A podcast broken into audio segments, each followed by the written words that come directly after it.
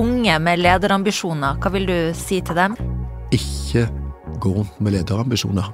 Gå rundt og finn ambisjonen din for hva du vil gjøre i samfunnet, hva du vil være. Hvis folk kommer til meg og sier at jeg har lyst til å bli leder, så vil jeg ikke snakke, nesten ikke snakke med deg engang. Det, er jeg ikke interessert i. Hva vil du lede, vil jeg si da? Hva du vil gjøre? Hva vil du bety?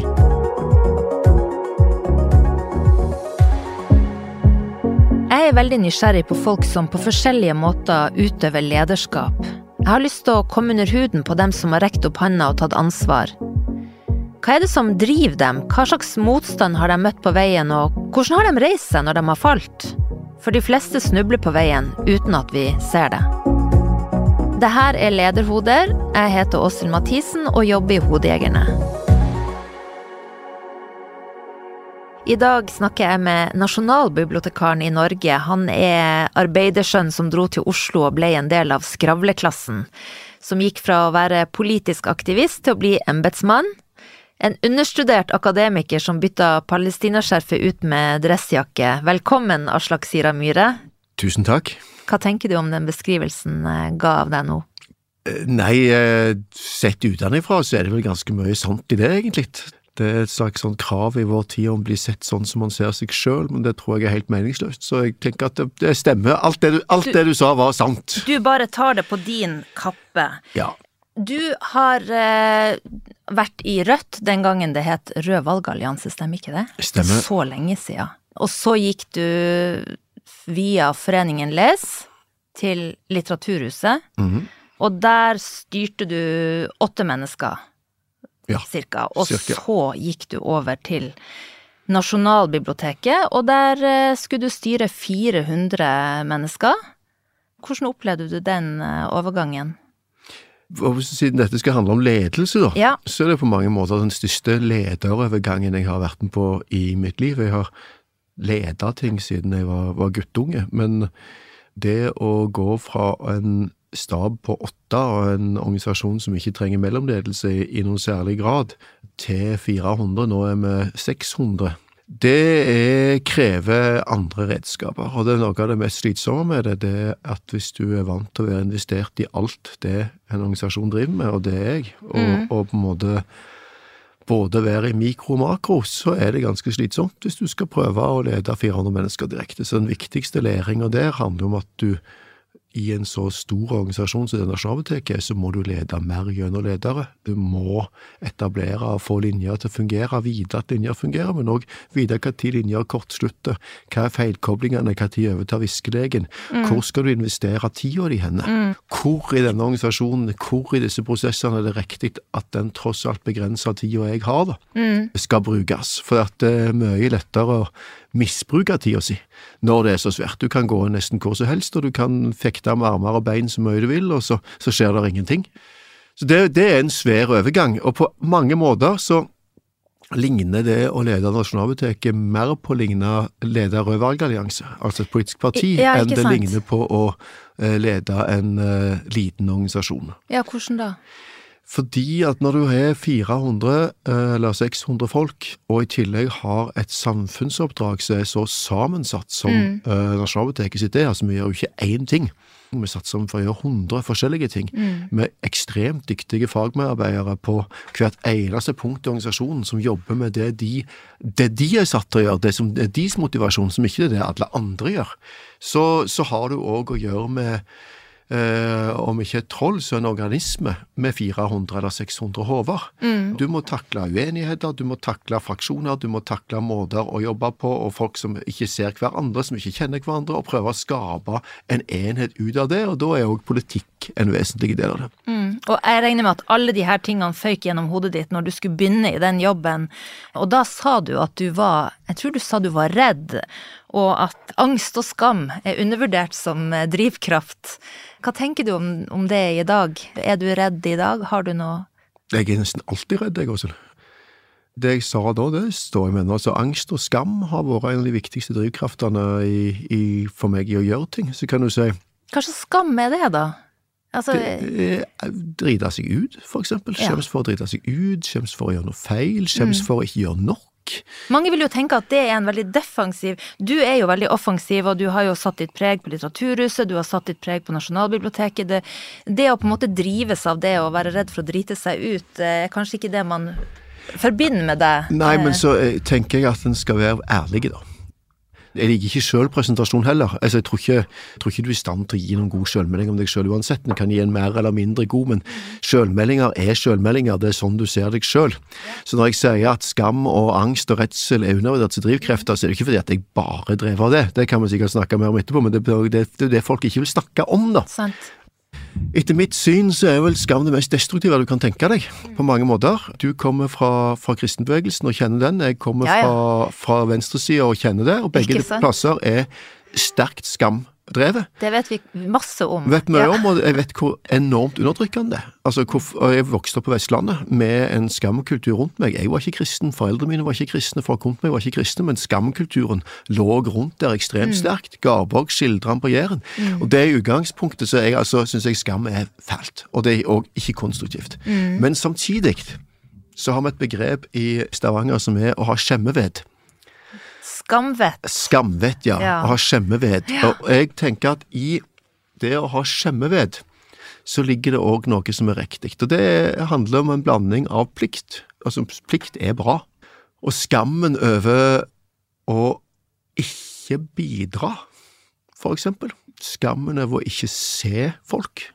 Skammen over å være selvsentrert og egoistisk. Det er mange ting rundt dette som jeg mener er riktig, og en skal justere seg etter på det.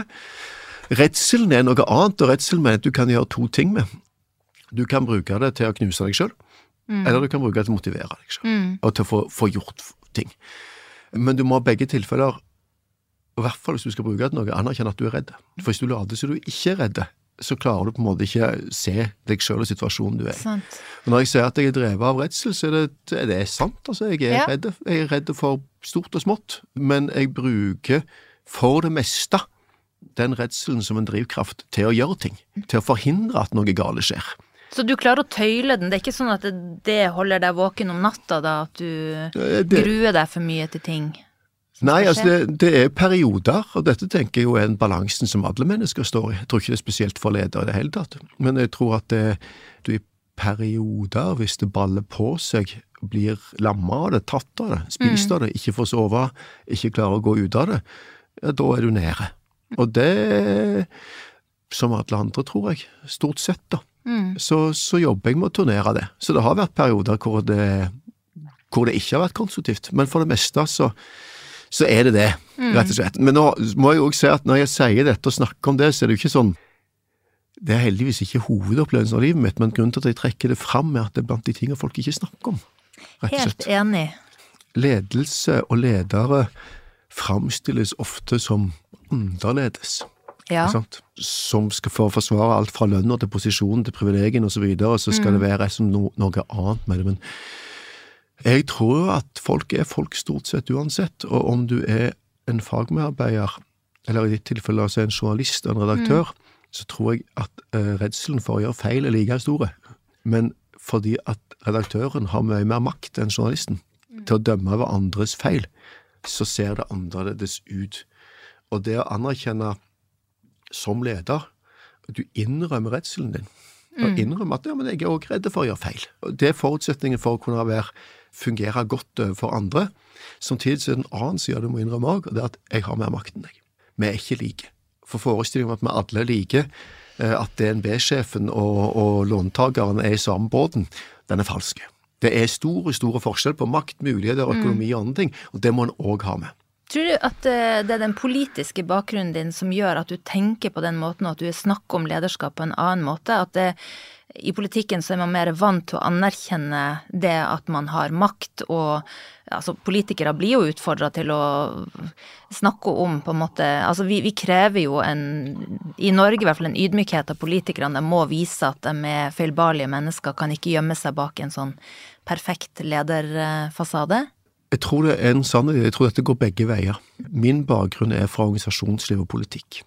Jeg tror det er en veldig god bakgrunn å ha i alle slags type jobber og i lederskap, for det at i frivillig arbeid eller organisasjonslivet så må du gjøre alt. Og du må Ja. forstå helheten, og du må gå inn i alle sider av det. Det finnes ikke noen For de aller fleste så finnes det ikke noen slags sånn BU-dannelse for dette som gjør at du går rett inn og slipper å gjøre ting. Du læres opp til å være vann, du læres opp til å, til å skaffe brød og melk, til å få ting til å virke, til å gjøre stort og smått, og så kan du ta det med deg videre. Og i det så ligger det at alle som blir leder i en ungdomsorganisasjon har en gang vært medlem og jobbet seg opp, og du er leder i- kraft av det forholdet du har til medlemmene. Du er ikke ansatt, du er valgt. Du er tillitsvalgt på et eller annet nivå. Og Det tror jeg gjelder fagbevegelsen, det tror jeg gjelder organisasjonslivet, det tror jeg, gjelder det. Dette så jeg nok ikke når jeg var 20, for da ville jeg nok aldri sagt at det er likt i KrF og i RV, men jeg tror det er i mye større grad mye likere enn det jeg ville anerkjenne da, altså at han går med det samme. Men så har du en annen side, som du nok ser mer av i USA, England, eh, store EU-land og etter hvert i Norge, og det er en type politikerrolle som er veldig annerledes. For det er politikeren som profesjonell politiker som fjes utad.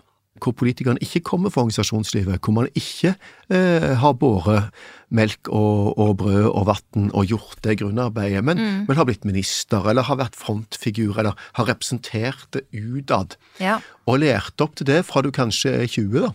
Og da tror jeg det er motsatt. Da tror jeg du kan få et sjokk når du kommer i arbeidslivet. Fordi at da kommer du inn en plass hvor du kommer fra et sted hvor alle jobber for deg, til en plass hvor du må begynne å jobbe. Og hvor det forventes at du gjør noe, at du har en funksjon utover å være et fjes, utover, utover syns. Jeg tror det kan være begge deler, vil jeg det jeg prøver å si, da. Men eh, ja, politikere har jo også rykte på seg for at de ikke alltid er gode ledere, for at de ikke forstår lederskap. Men du har jo kalt ledelseslitteratur for eh, Altså, du mener at det er tull og tøys. Du nevnte BI her. Hva legger du i det? Nei, altså Jeg bruker jo svære ord, da, og det som sagt så gjør jeg jo det for å sette ting på spissen. Jeg gjør ikke det for at jeg tror at jeg ser hele verden. For meg er lederskap to ting. Og Det ene er det jeg vil kategorisere som administrasjon. Og Det er å gå inn i en maskin, ta en rolle i den maskinen og få den til å gå rundt.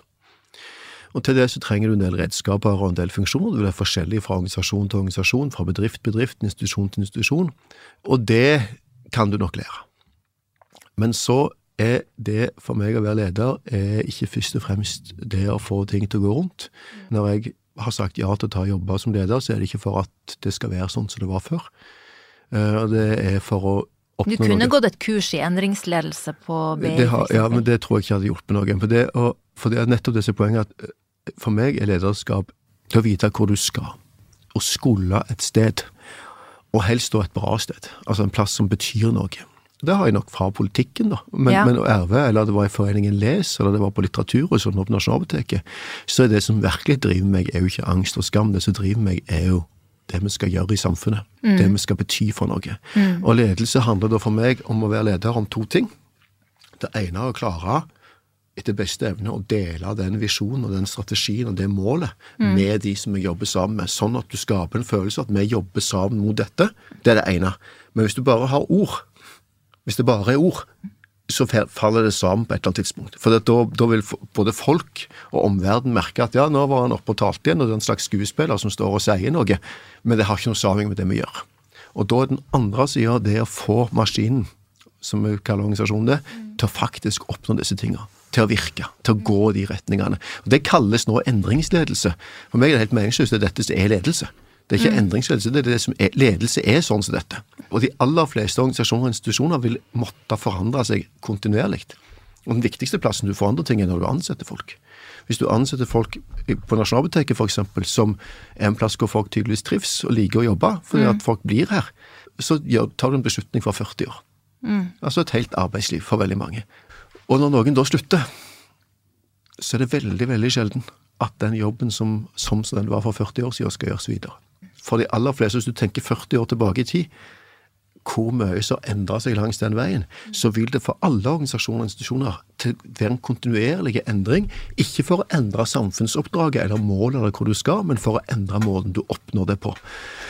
Hvis du da skal gjøre det, så må du ha vite hvor du skal. Du må ha et forhold til det du jobber med, du må kjenne det. Og Det å komme utenfra fordi at man har fått noen kurs, noen redskaper i å bli leder, som Ja. det var en generiske ting som bare kunne sette inn, det er for meg helt meningsløst. Og litt fornærmende overfor de som skal ledes. For at det sier at det de kan, det, det, det du jobber med, Det er ikke så viktig. Vi kan bare sette inn noen som er leder, og så skal vi gjøre noen ledergrep. Og det som ofte skjer, er at du får lunsj. Tegneserien Lunsj. Altså Du får prosesser som alle som deltar i prosessen vet at det er meningsløse, men som man skal gjennom fordi at man skal gjøre denne øvelsen når vi skal gå der. Altså Du, du kom inn eh, i Altså du fikk denne jobben, du var en kunstnerrebell og du skulle inn og bli toppleder, og da skal du Du ble til og med utnevnt av en eh, Kongen i statsråd. Ja, og kongen i statsråd og av en eh, borgerlig eh, regjering, så du hadde jo alle oddsen mot deg. Men altså eh, mange vil jo kanskje tenke at i dag holder ikke det. Du må ha disse begrepene, de, måte, eh, leder... Eh, hva skal jeg si, metodikk. Eh, du er en visjonær. Tror du at det holder i dag for å bli toppleder og for å bli tatt på alvor? Jeg vet ikke hva som skal til for å bli toppleder som sådan, for jeg tror ikke det er en generisk ting, som sagt. Jeg Nei. går ikke med på det når jeg ansetter ledere, så ansetter jeg folk som kan noe om det de skal jobbe med, men som òg kan være ledere. Jeg tror ikke at lederutdanning har gjort ledelse bedre i Norge generelt. Altså Ingenting som tyder på at vi tar veldig mye bedre beslutninger nå enn vi gjorde for 5, og 10 og 15 år siden. Men man snakker om feminisering av arbeidslivet, og mer forankring og prosesser og involvering, og tror du ikke at det Men Tror du det skjer i virkeligheten? Altså, jeg, jeg tror at man bygger et lag av ansatte og medarbeidere som har jobb å gjøre dette, HR-avdelinger eller konsulenter eller andre som gjør akkurat de tinga der, uten at det gjør så jævla stor forskjell for, for å være vulgære, da. For noen som jobber på en bedrift, la oss si at de jobber på et verksted ja. på Vestlandet, som blir eh, nedlagt det gjør ikke noe forskjell på om lederen der har et lederkurs eller ikke, eller hvor mange det var i HR-avdelingen når det forsvinner.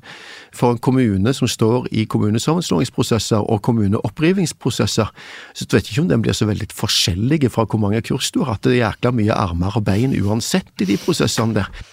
Jeg tror at det er noen ting som går framover. Jeg tror at spørsmål om transparens, for eksempel, Altså det å kunne se, eh, dokumentere, se gjennom dokumentasjon, beslutninger, maktstrukturer og sånne ting, der tror jeg vi har gått store skritt fram. Habilitet, som vi diskuterer med i politikken nå, tror jeg ja. har gått store skritt fram. Ja. I forhold til ansettelsesprosedyrer som ja. gjør at det er vanskeligere å gi kompisene dine jobb, eller uh, at man bare ansetter folk like seg sjøl osv., så, videre, så tror jeg det er ting som skjer, som gjør det bedre i forhold til feminiseringen, som du sier, da, altså det, og likestilling, så har det skjedd store ting. Mm. Men jeg tror ikke det er ledelsesutdanningen som har gjort det. Det tror jeg er samfunnsendringer som velter inn i eh, organisasjonene, inn i samfunnslivet.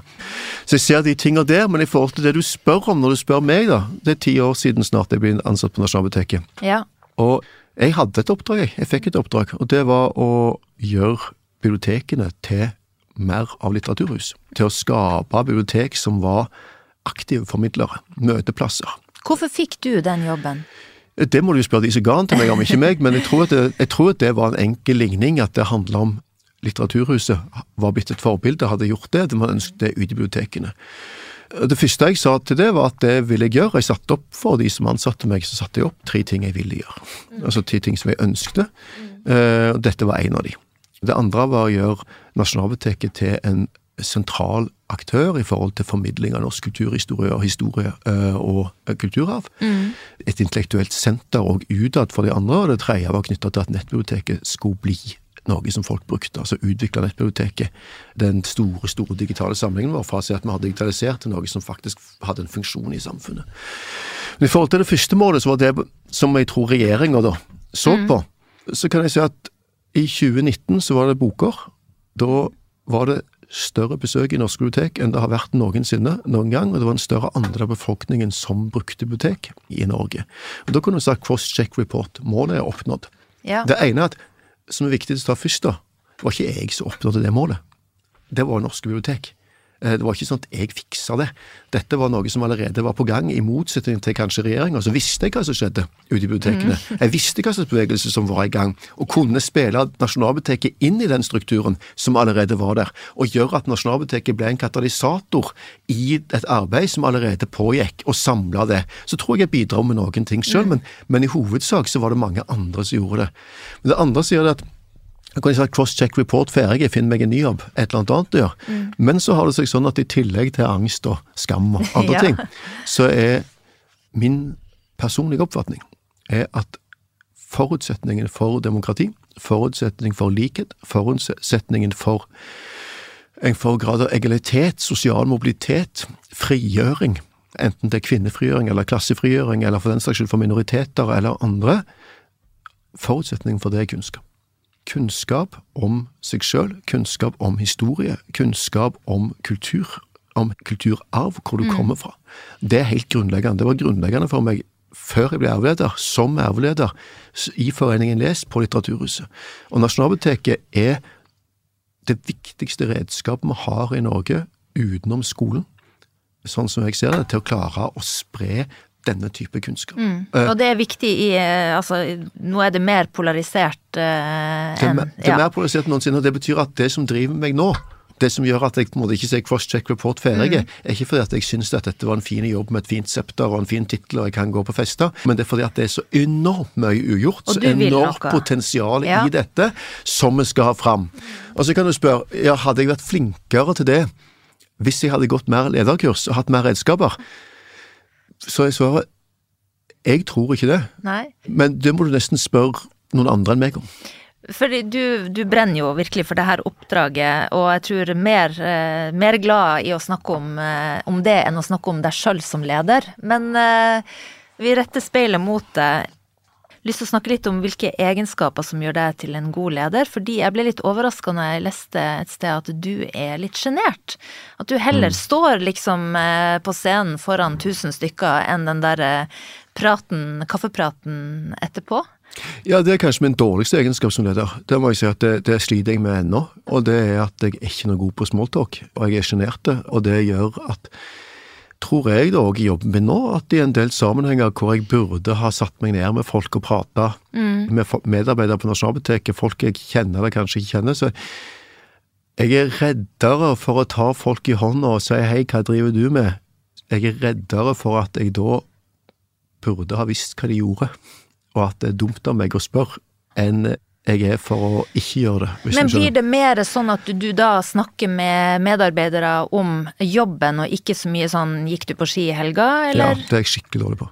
Og nå skal jeg prøve å være helt ærlig, Åshild. Jeg tror at den største svakheten min i utøvelsen av jobben, det er at jeg kunne vært flinkere, og jeg burde vært flinkere til å prate med folk om stort og smått og den sorten her å være til stede, og da kan jeg jo framstå som jeg ikke er interessert, eller at jeg for folk blir vekke fra folk. Så er den motsida det at jeg er enormt glad i å snakke med folk når jeg jobber sammen med dem. Mm. De jeg jobber med, snakker jeg masse med. Men så er jeg litt nerd, så jeg er mest motivert av jobben, av de tingene som går rundt i jobben. Og så er det masse sosialt som springer ut av det òg. Jeg snakker altså, jeg er jo sosial, jeg snakker jo om fotball eller om historie eller om andre ting i ett bankekjør, eller ungene eller bikkjene eller hva det måtte være. Ja. Men det er sånn som du peker på, at jeg snakker jo med folk om jobb, og jeg liker å jobbe med folk. Og jeg liker folk. Og da tror jeg folk opplever meg som intenst til stede, da rett og slett. Mm. Så jeg tror ikke reservert eller sjenert er liksom det du tenker på da, men Høres ut som en ekte vestlending, da. Bare litt ja, ja. sånn min Du har ikke den amerikanske fernissa av elegant elegant smalltalk? Det er kanskje Nei, jeg, jeg, jeg, jeg synes, Apropos det kultur, så er jo det noe av det som er aller mest fremmed, det er jo sånn merker jeg fortsatt jeg reiser Jeg hadde aldri vært i Amerika eller USA da, før jeg ble nasjonalbibliotekar, og så dro jeg på sånn bibliotekskonferanse der borte. og Nå sitter jeg i styret på Stanford University Libraries, så da er jeg i USA stadig vekk. Og fortsatt for meg så er den der amerikanske, når du treffer noen, treffer noen du ikke kjenner, og de sier 'Oh, it's so great to meet you! Wow, yeah, it's so great! This was so nice!' og sånn var det det? Du, vi, kjenner, vi kjenner jo ikke hverandre. Det er ikke noe great med dette i det hele tatt. Det får vi nå se. Får nå se om dette er noe great, da. Og det er vestlendingen i meg. Altså For ja. meg er det sånn at Og det er to sider. Det ene er at vi får nå se om vi kjenner hverandre, og det tar nå noen år, helst 20, før du på en måte jeg kan si at jeg nå har vi blitt venner. Men den andre sida av det er òg at jeg har nok òg i meg det vestlandske at ord betyr noe. Altså, hvis du sier at 'this is great', mm. selv om det er på utenlandsk og selv om amerikaner sånn var, var, ikke det litt lemfeldig omgang med det mm. ordet? Var ikke det litt uh, store ord for? Men er ikke det litt deilig også med den energien uh, i rommet når man bruker litt store ord? Jo, jeg syns altså, du det er litt deilig når andre gjør det? Når andre, altså, jeg gjør det jo mye sjøl òg, på én sammenheng. Altså, hvis jeg peker når jeg skal snakke om samfunnsvisjoner og hva ting ja. betyr, så bruker jeg jo kjempesvære ord. Jeg har vært politiker i et parti hvor noe av jobben din var å bruke altfor store ord hele veien for å få mm. Så ja, og, og, jeg ser at det er amerikanerne er veldig flinke til å gjøre ting behagelig, og det er jo bra, mens vestlendinger er jækla flinke til å gjøre ting ubehagelig, og det, er og det er ikke noe bra med det. men det er nå den kulturen jeg kommer fra, da. Så ja, ja, det, det, det, er jo ærlig, i det, minste. Det er et språk jeg kan. Ja. Men, men, apropos det, da. Så er det sånn at det er jo òg ulike kulturer. Nasjonalbiblioteket i Norge jeg har to hovedseter, med Oslo og Rana. Mm. Og jeg merker òg at jeg Apropos det du sa om å komme fra arbeiderklassen og så inn i snakkeklassen og det akademiske osv., så, videre, så er det klart at Stavanger og Rana ligner mer på hverandre enn ja. Stavanger og Oslo, og Rana og Oslo gjør. Sånn at den store forskjellen på nordlendinger og vestlendinger, den syns jeg er oppskrytt. Eh, rett og slett. For at helgelendinger og ryfylkinger er ganske like. Mm. Så kan man diskutere om helgelendinger er egentlig nordlendinger, og hva om nord, altså Det er jo halve Norge vi snakker om, sånn rent geografisk. Ja. Men, men iallfall så opplever jeg at den det språket som Altså, jeg har lettere for å tolke det enn mm. en jeg har en universitetsmiddag i Oslo. Jeg har en følelse av at hvis jeg skulle spurt deg om det er en, en bok som har inspirert ditt lederskap, da Det er ikke noe amerikansk ledelsesfilosofi? Uh, Nei, da vil, jeg, da vil, jeg, snu det si at det er ikke noen bok som har inspirert mitt lederskap i det hele tatt. Jeg må være ærlig, det ville vært dumt å ikke se. Nå har jeg ledet ting siden jeg var 16-17 år. Ble leder for styret på skolen jeg gikk på når jeg gikk på videregående. Så jeg har jo sikkert vært flink til dette på et eller annet nivå, men jeg har aldri tenkt på lederskap som noe jeg gjør. Jeg har tenkt på at det er det jeg jobber med, det er helt ærlig. Når jeg jobber med litteratur, så jobber jeg med litteratur. Når jeg jobber med Nasjonalbiblioteket, så jobber jeg med Nasjonalbiblioteket. Når jeg jobber med politikk, så har jeg gjort det. Når jeg jobber med fotball, så jobber jeg med det. Det er det jeg er opptatt av, og ikke lederskapsdelen. Men når det er sagt, da, så tenker jeg at det å lese bøker, for det jeg skal snu spørsmålet ditt, at Nei, det er ikke noe bok, og jeg ville ikke anbefalt noen å lese ei bok for å bli leder, uansett mm. hvor god han måtte være. Jeg vil anbefale folk å lese mange bøker for å bli ledere. Å lese romaner, lese skjønnlitteratur, lese gjerne bøker fra andre deler av verden. Mm. For jeg tror at sånn grunnleggende sett, da, så det å forstå folk en ekstremt viktig del av lederskap. Og det er både i det nære og det abstrakte. For skal du lede en organisasjon, så må du forstå hvordan folk virker. Mm. Og da er det både de du har tett på deg, og nå har jeg da ledere rundt meg som jeg skal lede, ei gruppe av ledere som jeg skal lede og jobbe med, men du skal òg sette ting ut i livet. Mm. Og da må du forstå, syns i hvert fall jeg, da, å ha et indre bilde av hvordan vil dette virke. Hvordan vil dette virke ute blant folk jeg ikke ser, der jeg ikke har en idé om hvordan folk virker, hvordan ting er skrudd sammen. Ikke minst for å kunne ta vare på angsten, for å forhindre at ting går skeis. Og der er lesing og litteratur ved siden av å treffe folk, og ved siden av fotballen, så er det den viktigste arenaen for å lære hvordan folk virker for meg. Mm. Hvis jeg da spør deg, unge med lederambisjoner, hva vil du si til dem? Ikke gå rundt med lederambisjoner. Gå rundt og finn ambisjonene dine for hva du vil gjøre i samfunnet, hva du vil være. Hvis folk kommer til meg og sier at jeg har lyst til å bli leder, så vil jeg ikke snakke, nesten ikke snakke med deg engang. Det, det, er jeg ikke interessert i. Hva vil du lede, vil jeg si da? Hva du vil gjøre? Hva vil du bety? Og der har jeg et imperativ. Det er kanskje det punktet hvor jeg fortsatt har en moralist i meg. Du skal være et samfunnsmenneske. Hvis du skal ha en ambisjon for noe, så skal det være hva, hva, hva, kan du gjøre med samfunnet? Da? Ja, så hva vil du jobbe med i næringslivet, da? Mm. Altså, Jeg kunne godt jobbet i næringslivet. Jeg har veldig lyst til å jobbe med olje og gass. Jeg har veldig lyst til å jobbe med vind. Jeg har lyst til å jobbe med eh, CO2-fangst. Jeg har lyst til å jobbe med kraftkrevende industri. Jeg har lyst til å jobbe med landbruk og skog. Alle disse tingene jeg er opptatt av. De er grunnleggende viktige. Norsk industriutvikling, kjempeopptatt av det. Kunne jeg godt tenkt meg å jobbe med det, men da er det det jeg vil jobbe med, ikke være leder i næringslivet. Det interesserer meg ikke. Så det som driver meg interessen for dette, det er der. Mm. Altså, Jeg kunne eksempel ikke jobbet med bank. Jeg kan ikke noe om bank. Vet ikke noe om finans. Jeg brenner ikke av finans. Det er ikke fordi jeg sier at det er noe galt med finans, det kunne jeg sikkert også gjort en annen gang, men det er ikke det som er greia. Men, men jeg har ikke noe det er ikke noe i meg jeg kunne brukt til det. Nei, interesse må, heller enn ledelse i Interesse og kunnskap, nettopp. Og hvis ja. du da vil bli Hvis du vil få de redskapene som skal mm. til for å kunne bli leder, så tenker jeg at hvis du da, og du er unge, mm. altså gå inn i et organisasjons- og frivillighetsliv ikke som et strategisk valg, fordi at du skal ha det på CV-en, mm. men fordi at det er noe du er interessert i. Mm. Og begynner å jobbe med det.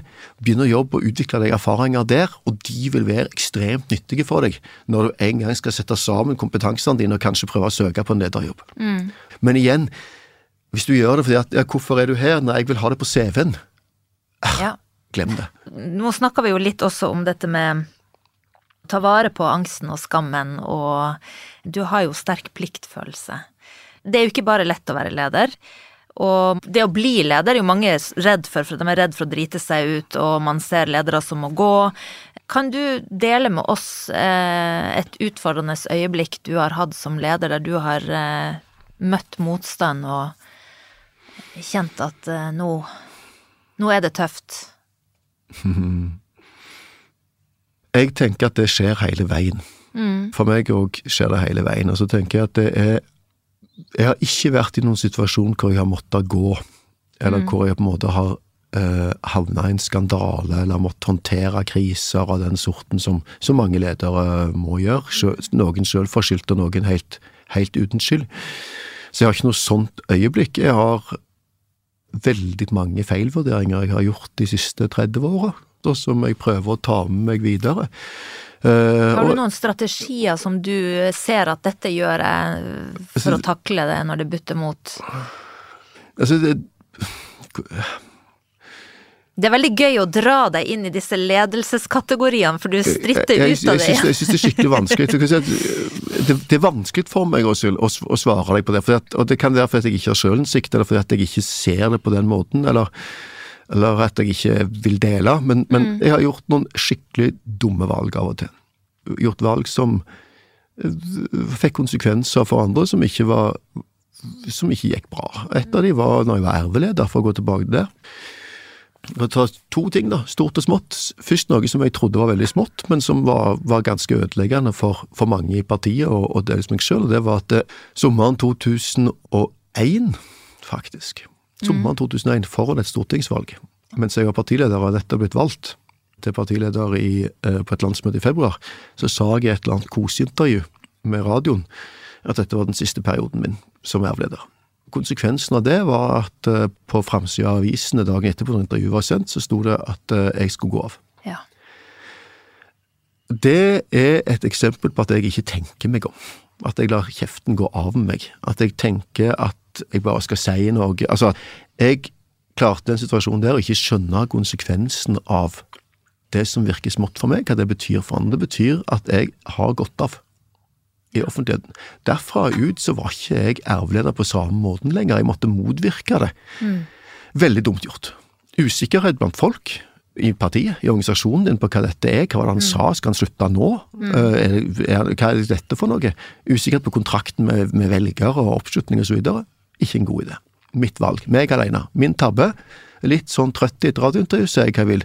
Da kan du si angst. Nå begynner jeg å lure på har jeg sagt noe sånt nå, må tro. Har jeg sagt et eller annet dumt her? Men så har jeg Så det er den ene sida. Den andre sida, samme året, så valgte jeg å gå inn i den tøffeste åpne kampen nesten som jeg gjorde som erveleder, og det var for å få være førstekandidat til stortingsvalget i Oslo i høsten 2001. Da hadde jeg bare hatt medvind som erveleder i offentligheten.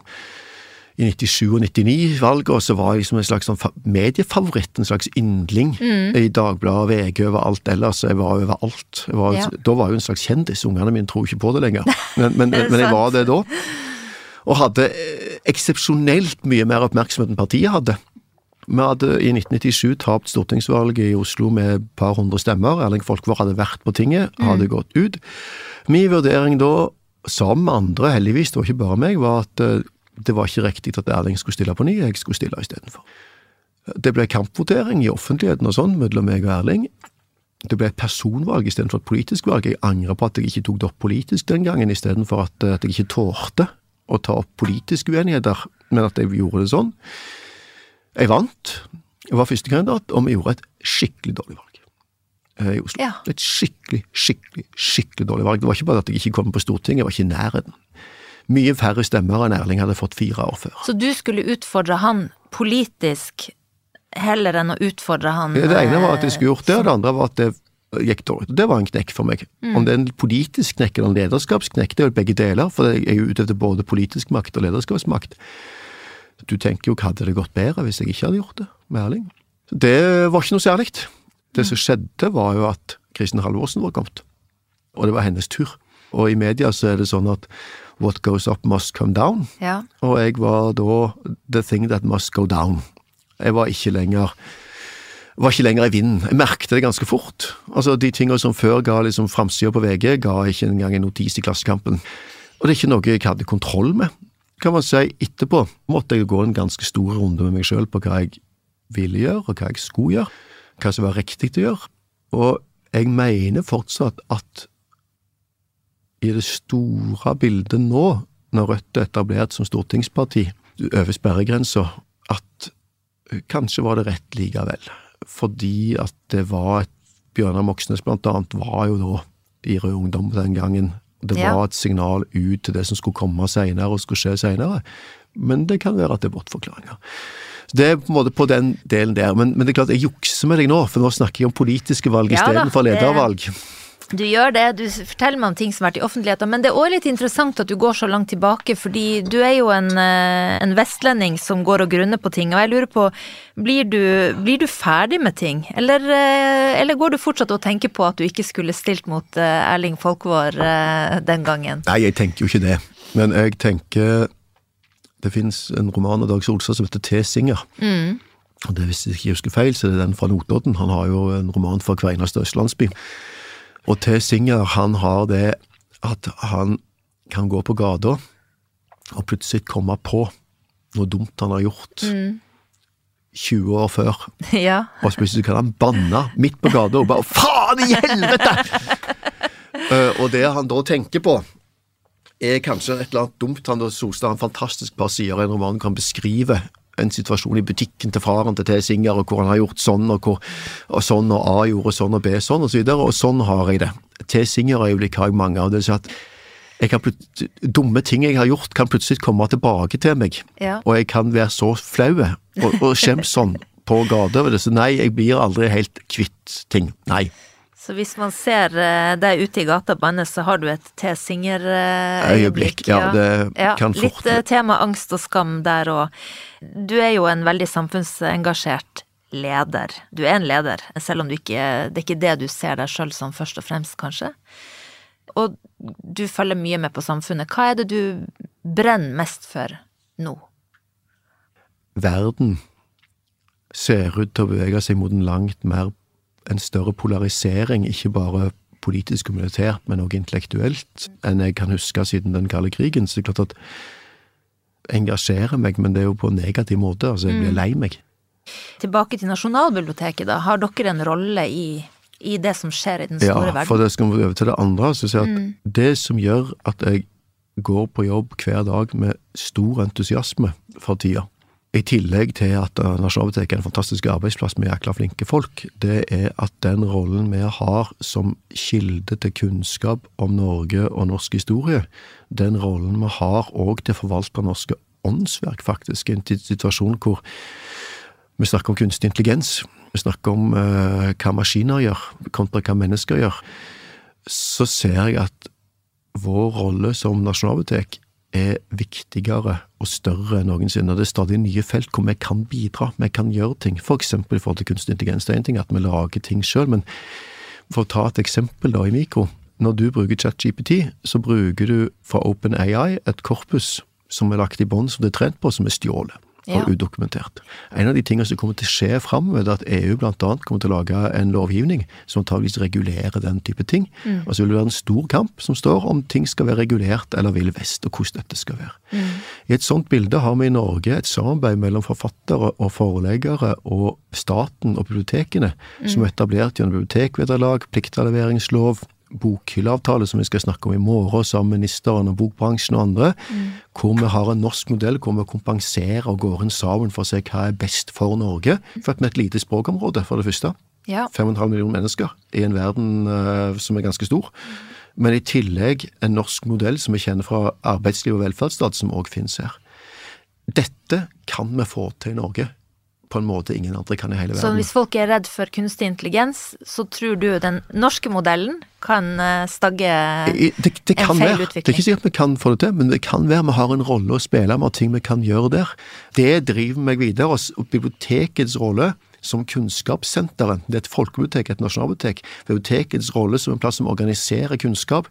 Den norske modellen på å gjøre dette tilgjengelig for folk på en måte ingen andre land gjør, den blir ikke mindre, men mer viktige framover. Og det tenker jeg at er vårt lille bidrag. Det kan ikke fikse Israel-Palestina-konflikten, men det kan bidra til å forhåpentligvis legge et fundament for demokrati. Et fundament for kunnskap og kunnskapshøsting. For ordskifte, ja. for samtale og identitet. Ja. Å finne seg sjøl. For det som òg skjer, det syns jeg òg er viktig. Vi lever i ei tid hvor det oppleves som at ting forandrer seg utrolig fort rundt oss. Mm. Eh, Og det gjør jo for så vidt det òg. Og noe av det som skjer da, er at veldig mange lurer på hvem de er. Mm. Felles eller hver for seg, og der har vi òg noe å bidra med. Men eh, når vi snakker om identitet, da, er det én ting jeg tror du ikke identifiserer deg med, så er det ordet karriere. Men du har en karriere, Aslak. Mm. Så da skal jeg spørre deg, hva er det beste rådet du har fått eh, i din karriere? Ja, Det har jeg fått et veldig godt råd om. Mm. Og det kan jeg si fra hvem òg, og det tror jeg er lov å si. Og det var fra Erik Rudeng, som har vært eh, blant annet direktør for Folkemuseet, men som jeg kjenner som direktør i Fritt Ord, når han og de ba meg om å jobbe med å skape et litteraturhus. Jeg lærte utrolig mye den gangen av Erik Rudeng, av Anne Krine Tanum, som var styrelederen min, som eh, kom fra næringsliv, som til det tidspunktet styrer DNB. Hun har lært meg utrolig mye fra næringslivet om, ledelse. Apropos, jeg har lært mye om ledelse. Eh, Det er jo ikke sånn at det er ikke viktig å kunne noe om det, men jeg har lært det blant annet av disse. Og når jeg slutta på Litteraturhuset, så sto jeg et veivalg på hva jeg skulle gjøre. Det var litt ulike ting som jeg ble spurt om å gjøre. Og da sa Erik du må gjøre noe stort. Du må ta Nasjonalbiblioteket, du må gjøre noe stort, du må gjøre noe som betyr noe. Det er på tross av alle gangene jeg har følt meg overarbeida eller, eller unna min egen angst eller kompetanseevne eller evnen til å få ting gjort osv., så, videre, så at det er det beste rådet jeg har fått. Og det har jeg fått av han to ganger. Jeg fikk det av han og Francis Sejerstedt når vi lagde Litteraturhuset, men da indirekte i måten de tenkte på. Jeg tenkte veldig praktisk. Nå skal vi gjøre sånn og sånn og sånn, skal vi gjøre sånn, skal vi fikse det, skal det være så, skal det være sånn, skal det være sånn. Ja. Mange gode tanker, og jeg hadde en slags idé, men de tenkte hvordan skal dette se ut om 20-30 år? Hvordan skal dette se ut om 50 år? Vi skal bygge en institusjon i Norge. Det tenkte ikke jeg på. Jeg var, kom fra politikken altfor kort tid, så jeg tenkte altfor kortsiktig. Det jeg lærte der, indirekte først, og så direkte når han, vi satt og spiste middag og, og, og drakk ei øl, og han sier du må gjøre noe stort, det handler om at det er veldig lett å bli fanga i, i hvert fall hvis du er sånn som meg, da, i å løse oppgaver fra dag til dag. Ja. Og alle de små og store problemene som dukker opp rett foran deg. Og det å ha et blikk langt inn i framtida, og se hvordan, hva er det dette skal være, hva er det du skal bidra med, som kanskje lever etter at du er død, det syns jeg var et veldig godt råd. Kanskje du har et eh, råd til unge som vil bli ledere? Tenk stort og ikke vær redd for å ha litt angst. Jeg tenker, eh, til, hvis du vil bli leder, så har jeg gitt deg ene råd allerede. Gå ut og gjør ting. Det er det første. Uh, learning by doing. Engasjer deg. Det andre er å finne ut hva du vil være leder for. Hva slags felt. Ikke hvilken jobb du vil ha, men hva slags felt vil du jobbe i. Uh, vis deg fram der. Og så er jeg enig, tenk stort. Og tenk at det du gjør, betyr noe i samfunnet. Betyr noe for andre. Veldig fine siste ord. Da sier jeg tusen takk eh, for at du ville komme og snakke med Aslak. Tusen takk for at jeg fikk komme. Denne podkasten er produsert av Monster Podkast for Hodejegerne.